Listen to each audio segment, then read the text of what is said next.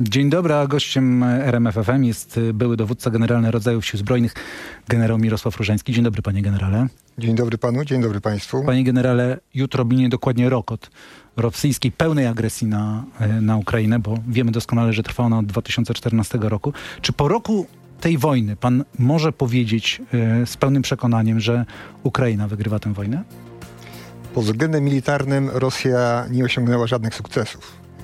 E, Ukraina stawia skuteczny opór, ale ten skuteczny opór jest konsekwencją e, wsparcia Zachodu. Także mówienie dzisiaj, że Ukraina tylko i wyłącznie e, ma tą dominację pod względem militarnym, byłoby niepełnym obrazem. Dlatego, że ta Ukraina z 24 lutego 2014 2022 roku, 2022 roku bez wsparcia Zachodu e, najprawdopodobniej dzisiaj może byśmy rozmawiali o tym, że Ukraina jest częścią Rosji, a nie jest dalej krajem broniącym się. Ale dzisiaj kto jest bliżej zwycięstwa po roku? Ja wierzę w to, że to Ukraina. A to jest wiara, czy to jest wiedza? A to jest może pytanie takie, które jest e, kłopotliwym. Oczywiście. Wiedza, wiedza e, będzie wtedy, kiedy e, można byłoby dokładnie wiedzieć na przykład, o czym jednak rozmawia Kijów z Waszyngtonem i co jest planowane w następnych tygodniach i miesiącach. Wtedy moglibyśmy w sposób jednoznaczny powiedzieć, że perspektywa zakończenia wojny jest taka, a nie inna. Czy myśli pan, że my już widzieliśmy punkt przełomowy tej wojny, czy jeszcze to wszystko przed nami? E, punktem przełomowym był ubiegły rok, wtedy, kiedy tak naprawdę e, Rosja zaczęła się cofać. Myślę tutaj o rejonie e, charkowskim e, i o hercońskim. Czyli mówi pan o tej kontrofensywie ukraińskiej? Tak jest. To były te momenty, które jednoznacznie wskazały, że ten prymat militarny Rosji jest tylko wyobrażeniem i on nie ma racji bytu. To Ukraina dominuje. I niektórzy mówią, że wtedy Rosja straciła inicjatywę strategiczną do tej pory i nie odzyskała pańskim zdaniem? E, zdecydowanie tak. Ale proszę zauważyć, że musimy to uzupełnić, że takie stwierdzenie. Rosjanie nie mogąc e, osiągnąć tych sukcesów militarnych w starciu z e, armią ukraińską, dokonali tego, co dzisiaj nazywamy tym tak naprawdę terroryzmem państwowym.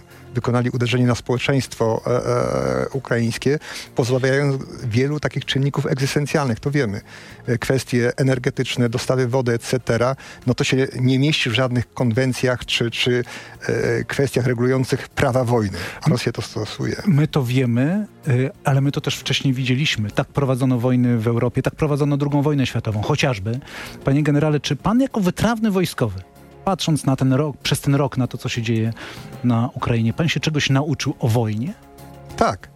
Tak, zdecydowanie e, e, e potwierdza się to, że ta wysublimowana, że tak powiem, technologia IT będzie w przyszłości decydowała w ogóle o przebiegu wojen.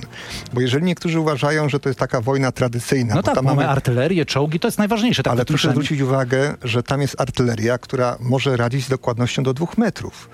E, tam jest artyleria, która potrafi oddziaływać na y, zasięgi dużo większe niż te, które były poprzednio. Czyli to, nie jest to nie jest wojna w starym stylu, jak mówią niektórzy? Absolutnie nie. Jeżeli to jeszcze uzupełnimy o takie narzędzia, które dostarczają informacje, od rozpoznania satelitarnego poprzez e, e, wywiad, który działa fantastycznie na rzecz Ukrainy. To są te nowe czynniki, o których niektórzy chyba zapominają, komentując tę wojnę. Ale niektórzy mówią, że współczesna wojna to miało być przede wszystkim siły lotnicze. To lotnictwo miało decydować o przebiegu tej wojny. A my tutaj widzimy, że to albo y, artyleria, albo obrona przeciwlotnicza, albo czołgi, albo broń pancerna. E, jeżeli byśmy to lotnictwo jednak y, widzieli w, w wymiarze takim przestrzeni powietrznej, to ja bym tutaj się z pana tezą nie zgodził bądź tą, którą pan przytacza, bo co jest dzisiaj największym zagrożeniem tam w Ukrainie? To są rakiety balistyczne, to są systemy bezzałogowe i to jest w końcu lotnictwo strategiczne, które operując z nad własnego terytorium, mówię tutaj na przykład o Tu-95, e, e, zrzuca bomby, które mogą oddziaływać na 2000 kilometrów. Także ta przestrzeń powietrzna, ona funkcjonuje i uważam, że ona jest największym zagrożeniem na współczesnym i przyszłym polu walki. Czyli to obrona przeciwlotnicza jest najważniejszym w tej chwili, z, punktu widzenia tego roku wojny w Ukrainie, najważniejszym najważniejszym elementem, jeśli chodzi o rodzaje sił zbrojnych? Ja myślę, że gdybyśmy spojrzeli na Polskę w tej chwili, jakie są, e, e, tak powiem, e, czynione kwestie w zakresie wzmocnienia potencjału sił zbrojnych, to ja jednak bym priorytet postawił zupełnie inny. I w pierwszej kolejności jednak bym budował system obrony powietrznej, który by nas zabezpieczył przed takim zagrożeniem, o którym mówiłem. Przeciwko rakietom, tak? Dokładnie tak. Panie generale, wróćmy do tego, co się dzieje na Ukrainie. Uważa pan, że już ruszyła ta rosyjska ofensywa? O rosyjskiej ofensywie tak naprawdę słyszymy od przełomu lata i jesieni ubiegłego roku. Myślę, że to jednak jest taka pewna narracja, która jest stosowana przez polityków i wojskowych, ale pamiętajmy, że to też jest wojna informacyjna. Rosja dzisiaj posiada potencjał, ale ludzki, z jakim skutkiem obserwujemy. Natomiast czy zgromadziła e, odpowiednie zapasy środków e, bojowych i sprzętu, tutaj mam daleko idącą wątpliwość. Czyli nie ma tej ofensywy. Patrząc ja myślę, że możemy mówić o tym, że Rosja będzie dążyła do tego, żeby utrzymać e, uzyskane jeszcze w 2014 roku terytoria, czyli te dwie separatystyczne republiki i Krym. I to będzie główny cel Rosji. Ja się zastanawiam, kiedy mogą się pojawić rozstrzygnięcia, kiedy może na przykład uderzyć Ukraina, czy nadchodząca wiosna, ten y, okres y, y, bezdoriżia, jak mówi się na Ukrainie, czyli tych roztopów wiosennych. To jest dobry moment na rozpoczynanie Ale panie ofensywy. redaktorze, proszę zwrócić uwagę na to, że e, e, ci, którzy oczekują czegoś takiego jak na przykład bitwa pod Łukiem Kurskim, a, chyba są w błędzie. Czegoś takiego naprawdę nie zaobserwujemy na tej wojnie. E, Ukraina stosuje perfekcyjną taktykę wykonywania uderzeń na głębokie zaplecze e, Rosjan. Ja chcę przypomnieć, że, że e, przedwczoraj tak naprawdę Ukraina wykonała uderzenia na głębokości e, Donbasu. I uważam, że ta formuła będzie dzisiaj dominująca, czyli nie frontalny atak, Pamiętajmy, że Ukraina ma ograniczone zasoby ludzkie. Oni nie mogą sobie pozwolić na nadmierne straty, dlatego będą działali trochę w taki sposób, jak to było w Herconiu. Mówi się, że e, e, e Ukraina wyparła e, e Rosjan e, z obwodu tego hercońskiego z części oczywiście. Tam proszę zwrócić uwagę, że było wycofanie Rosjan czyli umiejętną, że tak powiem, taktyką Ukrainę doprowadziło do no, tego, no, że Rosjanie musieli się wycofać. I ja myślę, że oni będą w ten sposób działać, że będą zmuszać Rosję do opuszczania kolejnych teren, te, terenów zajętych podczas 2014 roku, no i później oczywiście w ubiegłym roku, kiedy rozpoczęli tą wojnę. Generał Mirosław Różański jest gościem RMFFM. Panie generale, mam takie wrażenie, patrząc na to, jak przebiega ta wojna z punktu widzenia cywila, że obydwie strony w tej chwili są na takich pozycjach wyczekujących. Pan by się z tym zgodził? Nie. Nie. E, to, to że, że front się ustabilizował i są niekiedy takie porównania e, do tego, co się dzieje, e, czy działo się w okresie I wojny światowej nawet, myślę, że to nie jest do końca trafna diagnoza, bo jeżeli spojrzymy na kwestię taką zasadniczą, że cel strategiczny, który jest wyrażany ustami prezydenta Żołańskiego, czyli odzyskanie, krótko mówiąc, tych utraconych terenów, jest niezmienny. I Rosja o tym wie. Mamy informacje o tym, że Rosja zaczyna rozbudowywać pozycje obronne tak równolegle do linii brzegowej Morza Azowskiego, tak? Czyli się zabezpiecza przed tym, żeby nie została przerwana ta łączność, że tak powiem, drogowa między Krymem a Rosją tak, tak, kontynentalną. Także mówiąc tak trochę językiem młodzieżowym, tam przez cały czas coś się dzieje. A e, myślę, że Ukraina, jestem przekonany, że gromadzi takie środki, które pozwolą dalej realizować ten mhm. sposób działań, o których mówiłem. Generał Mirosław Różański y, jest naszym gościem. Dziękujemy już słuchaczom e, RMFFM. Zapraszamy do RMF24 na naszą stronę rmf24.pl i do naszych e, mediów społecznościowych. Panie generale, pan się spodziewał, że rosyjska armia jest tak słaba? Nie. I to pana zaskoczyło w tej wojnie? E, e, no, myślę, że y, zaskoczeniem, a, a dla mnie był pierwszy tydzień bo jak obserwowałem pierwsze godziny tej, tej, tej wojny, czyli takie te głębokie uderzenia na infrastrukturę e, e, wojskową, czyli na lotniska, tam gdzie e, znajduje się wojsko, to w moim wyobrażeniu to był taki obraz faktycznie przygotowują się do tego, że neutralizują system obrony powietrznej e, e, ukraiński, e, że teraz wykonają jakieś uderzenia o charakterze tym powietrzno-lądowym, zajmą istotną infrastrukturę i po prostu przejmą władzę, tak? się okazało, że rozbili się o, o lotnisko, które jest tak na zachód od e, Kijowa, gdzie samoloty już e, nawet, jak się mówi, z tymi, którzy mieli przejąć władzę, były e, w powietrzu, się okazało, że, że, że to nie zadziałało. I to miała być druga armia świata. Czy to już wiemy o tym, że nie jest to druga armia świata, ale z czego ta słabość Rosjan wynika, pana zdaniem? E, ja myślę, że e, to już nie jest kwestia tylko i wyłącznie sprzętu, tylko e, w Rosji, w państwie totalitarnym, jest taki ten mechanizm, który powoduje, że przywódcy czy dowódcy nie są przyzwyczajeni do przyjmowania uwag, sugestii, podpowiedzi. to, co oni mówią, jest najważniejsze. To powoduje, że wtedy podwładni różnych szczebli, tych taktycznych, tak naprawdę mogą przemilczeć pewne rzeczy, bo wiedzą, że to może spotka, spotkać się z różną retorsją. E, I, I, to doprowadziło do sytuacji takiej, że nastąpiło takie e, e, samo przekonanie, że absolutnie są najlepsi. Mówię w tej chwili o Putinie i jego najbliższym otoczeniu, bo oglądanie parad, e, oglądanie e, e, na poligonach wyreżyserowanych fragmentów to, to nie, to, to nie jest to. Z tego, co pan mówi, to wynika, że słabością armii rosyjskiej jest brak wewnętrznej dyskusji? Zgodziłby Dokładnie tak.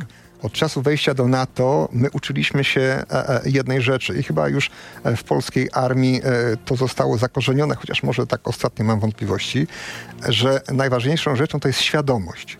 Świadomość wszystkich, od generała do szeregowca. Umożliwienie dyskusji na temat postępowania. Proces podjęcia decyzji przez wojskowego to trochę długo trwa, ale on jest demokratyczny paradoksalnie, bo jest czas, kiedy przedstawia się, co ja chcę zrobić, a później jest czas, że sztab mówi takiemu dowódcy, jak jest najlepiej to wykonać. A wielokrotnie panu sztab mówił, że pan się myli, panie generale? To nie jest łatwe, ale ja zachęcałem do tego, bo zawsze w pierwszym wystąpieniu mówiłem ludziom, że zależy mi na lojalności. Oni byli zdziwieni, bo myśleli, że chodzi o to, że właśnie mają być, że tak powiem, mi posłuszni. Natomiast ja lojalność rozumiem w ten sposób, że do czasu podjęcia decyzji e, chcę usłyszeć najbardziej nawet krytyczne e, stanowisko. Ja, no, nie chwaląc się, zaliczyłem wszystkie stanowiska dowódcze e, i cieszyłem się, że miałem takich podwładnych, którzy mi mówili, że panie generale, można to zrobić inaczej. A w armii NATO czy w armii amerykańskiej to jest właśnie ten system, tak pracuje ten system, że można skrytykować decyzję przełożonego? E, e, złe słowo, nie krytykować. Przedstawić swój punkt widzenia. Dlaczego przy każdym dowódcy amerykańskim jest podoficer?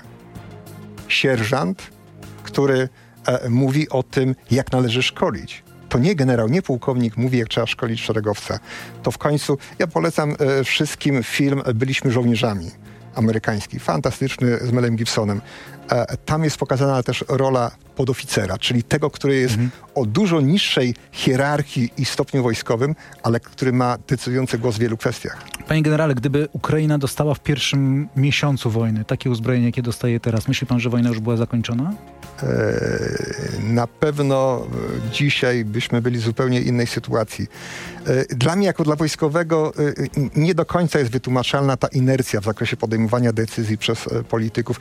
Ja panu powiem, że jak rozmawialiśmy z kolegami, jak byłem w służbie, mówię o kolegach e, z Zachodu, to często wskazywaliśmy, że, że gdyby wiele spraw zależało od nas, od wojskowych, one toczyłyby się szybciej e, i byłyby sprawnymi. I myślę, że tutaj niestety to pokłosie tej inercji e, czy, czy interesów politycznych kładzie się cieniem na tym, że, że Ukraina nie na czas e, i nie we właściwy sposób była e, wyposażana. No, ale Zachód się boi, Zachód się boi eskalacji, magiczne słowo. Ale powiem tak, panie redaktorze, to jest właśnie ta konsekwencja zderzenia z tą drugą armią świata. Na początku wszyscy y, y, się obawiali, co będzie. Zresztą pierwszy tydzień to mało kto w ogóle wątpił w to, że, że Ukraina, że tak powiem, ten cios y, u, wytrzyma, a ba stawi opór. Później te dostawy sprzętu były, które były nazywane tylko defensywnym. To dalej była ta, ta obawa.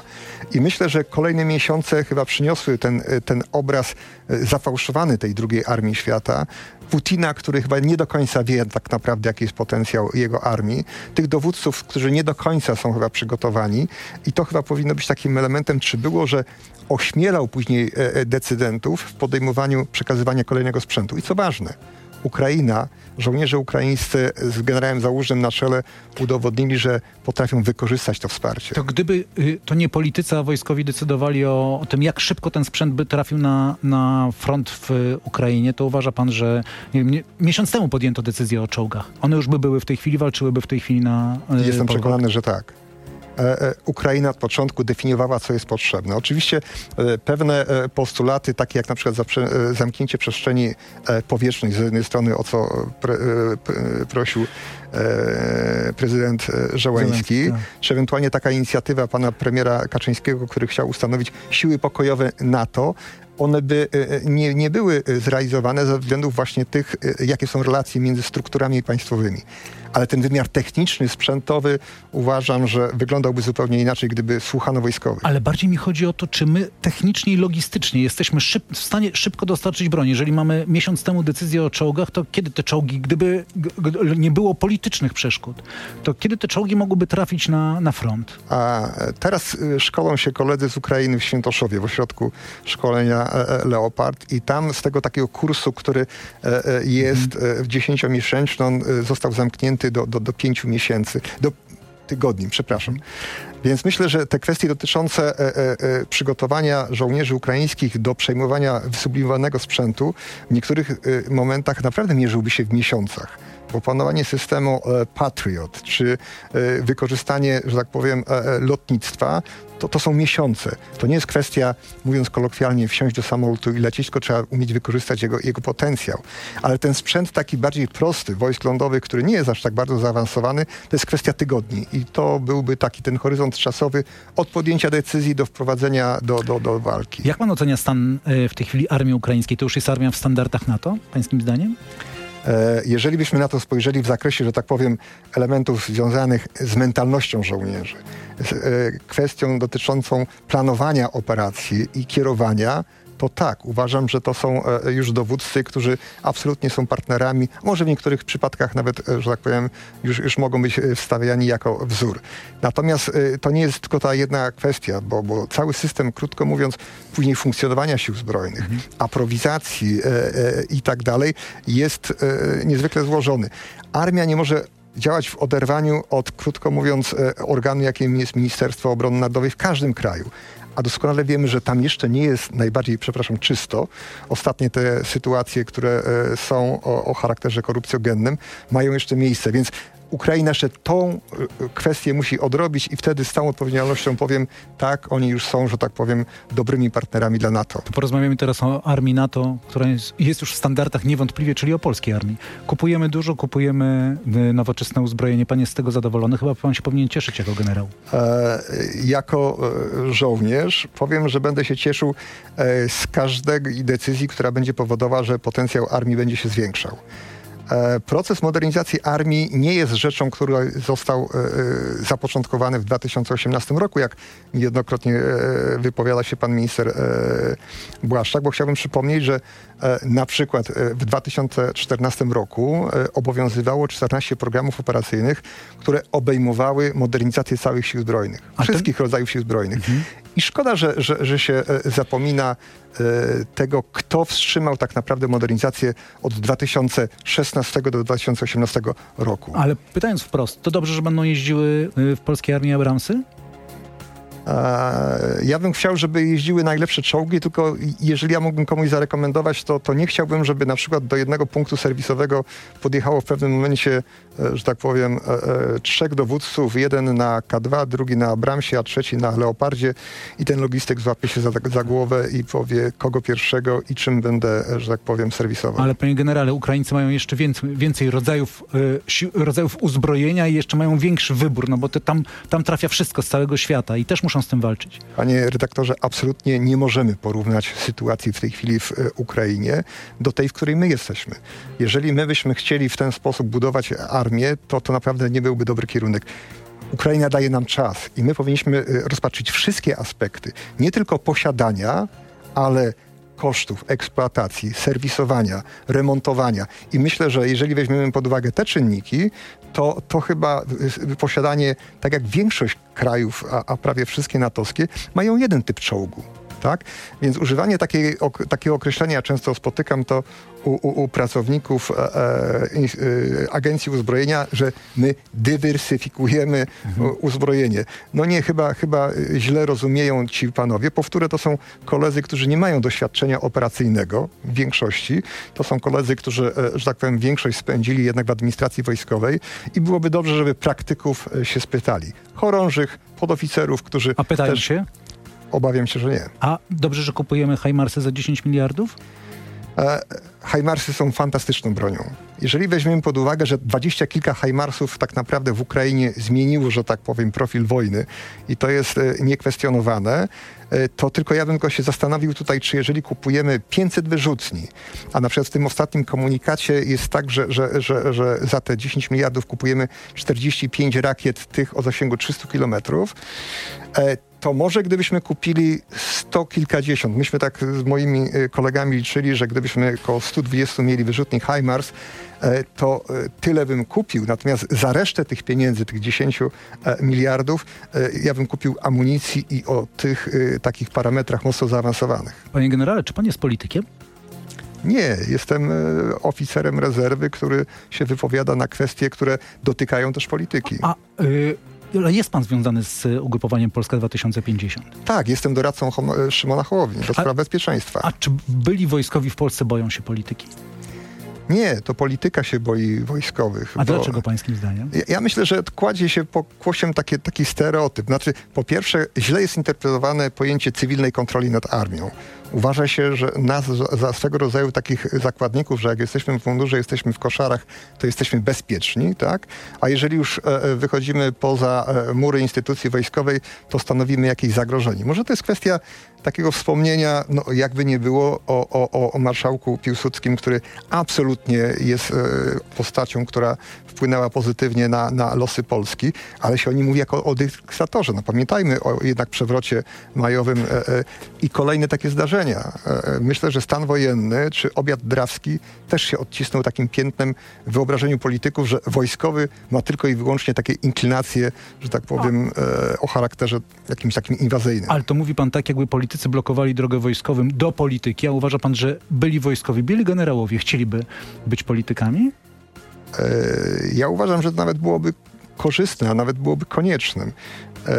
Jeżeli weźmiemy pod uwagę panie redaktorze, trochę się uśmiecham, ale, ale jeżeli weźmiemy pod uwagę wykształcenie wielu generałów e, e, Wojska Polskiego, którzy ukończyli za ogromne pieniądze polskiego podatnika e, takie e, uczelnie jak National Defense University, gdzie studiują nie tylko wojskowi, ale politycy też e, amerykańscy, którzy ukończyli e, National War College czy, czy, czy inne uczelnie za granicą. Po drodze jeszcze kończąc kilka etapów studiów, pierwsze, drugie, trzeciego stopnia, a, a politykami zostają dwudziestokilkuletni e, młodzi panowie, którzy nawet po, po ukończeniu studiów niezwiązanych z profilem e, e, swojego resortu e, są e, legitymacją do tego i się nazywa, że są e, politykami. No mam wątpliwość. A to dlaczego w takim razie nie chce pan zostać politykiem? A, bo y, to nie jest kwestia taka, że ja, ja mogę aplikować. Ja zdaję sobie sprawę, że e, gdybyśmy spojrzeli na doświadczenia, e, że tak powiem, innych państw, no chociażby sąsiedzi, tak? E, dzisiaj jest taka, że prezydentem... Petr Paweł jest generałem. Dokładnie. E, jeżeli weźmiemy pod uwagę, e, że e, sekretarz obrony Stanów Zjednoczonych jest byłym wojskowym, tak? Minister obrony Wielkiej Brytanii jest byłym wojskowym. Niedawno w Kanadzie ministrem obrony był wojskowy pułkownik, tak? I to Sik jeszcze na dodatek. Niektórzy się boją tego, że taki wojskowy może trochę pomyśleć przez chwilę, że jest Cezarem. Nie, e, ja zaryzykuję takie stwierdzenie, że chyba e, niektórzy, niektórzy politycy boją się kompetencji wojskowych. Bardzo dziękuję. Generał Mirosław e, Różański, były dowódca generalny rodzajów sił zbrojnych, był naszym gościem. Dziękuję bardzo, panie generale. Dziękuję, panie redaktorze, dziękuję państwu.